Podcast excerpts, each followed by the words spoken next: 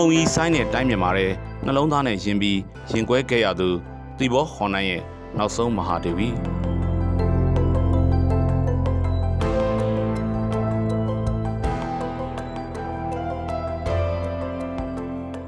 ဒီလိုက်အိုဘာမာ My Life as a Sham Princess ဆိုတဲ့စကားလုံးကိုစာပေနယ်ပယ်နဲ့ယဉ်ဤသူတွေထိတွေ့ဖူးပြီးသားဖြစ်နေနိုင်ပါတယ်။တကယ်ဘဝမှန်တကယ်ဖြစ်ရမှန်ကိုကိုယ်တိုင်ကိုယ်ကြတွေ့ကြုံခံစားခဲ့ရသူ Ink Ibahat ကိုယ်တိုင်ရေးသားတင်ဆက်ခဲ့တဲ့စာအုပ်ပါပဲ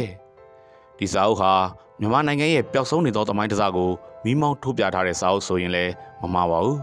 ။ Ink Ibahat ဟာမိခိုးတွေနဲ့ဘလောင်ဆူခဲ့ရသူမိမသားပါ။မိခိုးတွေနဲ့လူဆိုတာရင်တစ်ခုလုံးဘလောင်ဆူပြီးမှဖြစ်ခဲ့ရတာမျိုးဆိုတာကဒီဇက်လန်ပါပဲ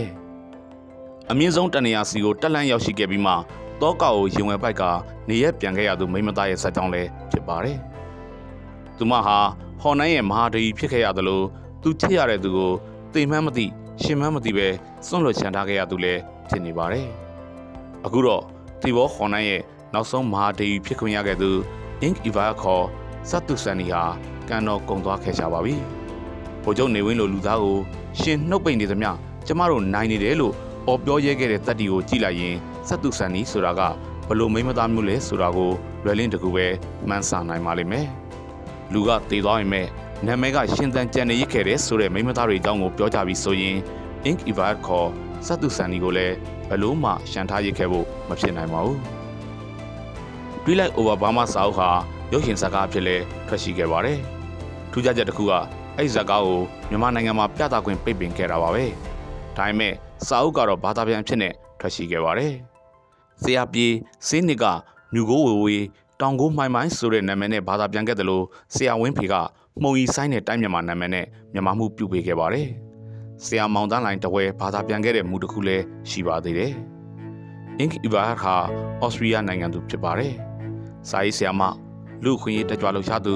လူမှုအဖွဲ့အစည်းတွေတည်ထောင်သူဖြစ် Ink Ivar ကမကွယ်လွန်ခင်မှာရက်တီရှင်သန်ခဲ့သူပါ။သူမရဲ့ပထမအိမ်အောင်ဆက်ခင်မွန်းတဲ့ကတီဘောဟော်နိုင်ရဲ့နောက်ဆုံးစော်ဝါစကြဆိုင်ပဲဖြစ်ပါတယ်။ Ink Ivar ကို1932ခုနှစ်ဖေဖော်ဝါရီလ23ရက်နေ့မှာမွေးဖွားခဲ့တာပါ။ဩစတြေးလျနိုင်ငံကန်တင်မြို့ကသူမရဲ့ဇာတိချက်မြို့ဖြစ်ပါတယ်။ငယ်စဉ်တောင်ကြီးကလေးအရွယ်မှာကလေးကသူမရဲ့ဘဝဟာကျန်းတန်းလွန်ခဲ့ပါတယ်။ Ink Ivat အသက်6နှစ်အရွယ်မှာကန်တင်မြို့စီကသူမတို့မိသားစုနေထိုင်ရာနေအိမ်စီကိုနာဇီစစ်သားတွေအချိန်မောင်းမနဲ့ရောက်ရှိလာခဲ့ပြီးသူမရဲ့မိခင်ကို၃ချိန်တိုင်ဖမ်းဆီးခေါ်ဆောင်သွားခဲ့ပူပါတယ်။ဒုတိယကမ္ဘာစစ်ကြီးပြီးဆုံးသွားချိန်မှာ သူမတို့ရဲ့ဘဝတွေငွေရမြေဩစတြေးလျမှာရက်တီရှင်သန်နိုင်မှုကခက်ခဲလွန်းကြောင်း Ink Eva ကသဘောပေါက်သွားခဲ့တဲ့အတွက်အမေရိကန်ပြည်အောင်စုစီကိုပြောင်းရွှေ့ကာပညာဆက်လက်စီးပူးဖို့ဆုံးဖြတ်လိုက်ပါတယ်။1952ခုနှစ်မှာတော့ Australian Fulbright Scholarship ပညာသင်ဆုကို Ink Eva ကစုခုရရှိခဲ့ပြီး Colorado အမျိုးသမီးကောလိပ်ကိုလည်းတက်ရောက်ခွင့်ရသွားခဲ့ပါတယ်။နိုင်ငံတကာကျောင်းသားတွေရဲ့ပါတီပွဲတစ်ခုမှာ Ink Eva ကခင်မုန်းဖြစ်လာမဲ့စัจ जा ဆိုင်နဲ့စတင်ဆုံစည်းခဲ့ပါတယ်။ စက်ကြဆိုင်ဟာကော်လိုရာဒိုရဲ့တက်တူတူဘော်ကြီးကျောင်းမှာမြန်မာအင်ဂျင်နီယာကျောင်းသားတစ်ယောက်ဖြစ်တက်ရောက်ပညာသင်ကြားနေခဲ့သူပါစက်ကြဆိုင်နဲ့အင်ကီဗာဒိုဟာချစ်သူတွေဖြစ်ခဲ့ကြပြီးတဲ့နောက်1953ခုနှစ်မတ်လ9ရက်နေ့မှာလက်ထပ်လိုက်ကြပါတယ်အမေရိကန်ပြည်ထောင်စုကော်လိုရာဒိုပြည်နယ်မှာရှိတဲ့တန်ငယ်ချင်းတစ်ယောက်ရဲ့နေအိမ်မှာသူတို့နှစ်ယောက်ကလက်ထပ်လိုက်ကြတာပါစကြဆိုင်ဖွဲရပြီးတဲ့နောက်မှာတော့သူတို့ဇနီးမောင်နှံဟာတင်မော်စီပီမြန်မာနိုင်ငံစီကိုပြန်လာခဲ့ကြပါတယ် ရန်ကုန်စိတ်ကန်းစီကိုတင်မောဆိုက်ကပ်လိုက်ချိန်မှာတော့ Ink Evad က